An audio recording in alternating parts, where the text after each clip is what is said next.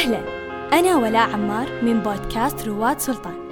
هنا في هذه السلسلة راح ترافقكم أصواتنا وكلماتنا للإلهام والتطوير في مختلف المجالات. في هذه الحلقة راح أشارككم بعض التساؤلات اللي تخطر في بال كثير منا حول الموهبة والشغف وغالبا ما نركنها جانبا وننساها مع مرور الزمن. بداية إيش هي الموهبة؟ لغويا تعتبر الموهبة قدرة أو استعداد فطري لدى الفرد على أداء مهارة معينة دون تدريب. ولكن كثير ما نسمع ناس تقول إن الموهبة خرافة وإن كل مهارة نقدر نكتسبها حتى لو ما كنا نملكها فطريا. في الغالب كل شخص فينا قادر. لو بحث وحاول يكتشف المجال اللي يناسبه ويبدع فيه وبهذه الخطوة وببساطة راح يعرف موهبته والمكان اللي راح يزهر فيه. بالمناسبة أكيد إنك سمعت عبارة أنا ما عندي موهبة أو ما أدري إيش موهبتي من ناس كثير حولك. والسؤال هو هل فعلا هناك أشخاص ولدوا بلا مواهب؟ بعد البحث وجدت بأنه يستحيل وجود إنسان بلا موهبة. خلقنا الله لعمارة هذه الأرض كل بطريقته الخاصة وبحسب قدراته وباستغلال مكامن القوة فيه.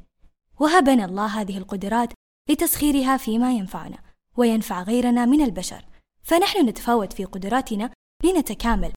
واللي يرى أنه لا يصلح لشيء هو فقط إنسان ظالم لنفسه بوضعها في المكان الخاطئ. وحرم نفسه من توسيع مداركه والخوض في مجالات جديدة قد يكون أقوى إنتاجيا فيها. بالنسبة لاكتشاف مواهبنا وبما أننا في عصر التطور والسرعة تقدر بضغطة زر تستعرض اختبارات تحديد المواهب وتكتشف موهبتك عن طريقها.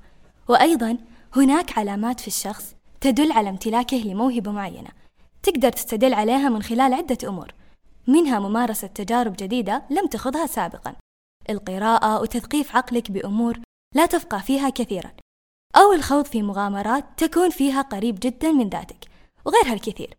وبعدها تلاحظ التماسك للمتعة في قضاء وقتك بطريقة معينة. بالرغم من أهمية الموهبة في حياة الفرد وإنها تخلق له التميز تصنع له بصمته الخاصة. الموهبة لوحدها لا تكفي. تحتاج إلى تدريب وتطوير مستمر حتى نكون قادرين على الاستفادة منها والاستمتاع فيها وضمان استمراريتها. والأكيد إنك راح تحتاج تتعلم مهارات جديدة لتساعدك في تطوير موهبتك والإبحار في عالم هذه الموهبة. وعلى ذكر المهارات مو بالضرورة يكون الشخص موهوب بالفطرة في مجال معين ليبرع فيه. فهل يعقل أني أملك شغف في مجال محدد وما أقدر أبدع فيه لمجرد أني لست موهوبا به؟ طبعا لا. اكتساب المهارات وتطويرها والمحافظة على الاستمرارية في ممارستها راح يؤدي إلى نفس النتيجة اللي يوصلها صاحب الموهبة وأحيانا قد تكون أفضل. هناك مقولة تشير إلى أن كل مبدع موهوب وليس كل موهوب مبدع. أكيد اكتساب المهارات راح يكون أصعب وقد تمر عليكم أيام من شدتها تفكروا إنكم تنسحبوا أو إنكم غير مناسبين لهذا المكان. ولكني أؤمن أن صاحب الشغف أقوى بكثير من أنه يستسلم بسهولة وأن الله لم يزرع في قلبك الرغبة بالوصول لأمر معين إلا لأنك قادر على الوصول له. لذا الشغف مكون مهم جدا في رحلة تعلم المهارات الجديدة ولا يمكن الاستغناء عنه. وأيضا الشغف عامل مهم جدا في رحلتك الدراسية. لا تخلي هدفك الوظيفة ذات الميزات العالية وبس. استمتع في رحلتك الجامعية واختار التخصص اللي أنت فعلا شغوف بدراسته وتهدف للحصول على ثروة معلوماتية فيه. يقول الكاتب جون ماكسويل ابحث عن شيء تحبه لدرجة أنك مستعد أن تفعله بدون مقابل. إن أتقنته فسيدفع الناس لك مقابل عملك. عندها لا متعة تضاهي متعة العمل. النجاح عمره ما كان محصور على وظيفة أو منصب معين. جرب واغتنم الفرصة. وثقف نفسك في مجالك. وهنا بإذن الله راح تكون ناجح ومميز في مسيرتك الدراسية والمهنية. أصحاب المواهب من الطلاب غالبا يختاروا طريق من طريقين. الأول يستخدم موهبته بذكاء. فيختار تخصص دراسي مناسب لهذه الموهبة أو حتى يحاول يقوي نفسه دراسيا معتمدا على موهبته.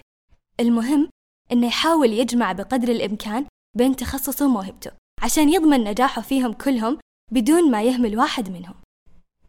أما الطريق الثاني اللي يختار الطلاب الموهوبين فهو دراسة تخصص مختلف تماما عن مجال موهبتهم وبنفس الوقت ينمي موهبته وما يهملها مثل اللي يدرس الطب صباحا وينثر كتاباته الأدبية مساء. وهذه الطريقة تحتاج طاقة أكبر وصبر ومهارة عالية في ترتيب الأولويات. في كل الأحوال الطريقتين صحيحة وتعود بالنفع والفائدة على صاحب الموهبة. المهم إنه ما يتنازل عن تطويرها لأي سبب كان ويتمسك فيها دائما. ولا تنسى إن موهبتك تنفع ما تضر. ونفس ما تقول إيميلي زولا لا معنى للفنان دون الموهبة. ولكن لا معنى للموهبة دون العمل بها. دمتم بخير.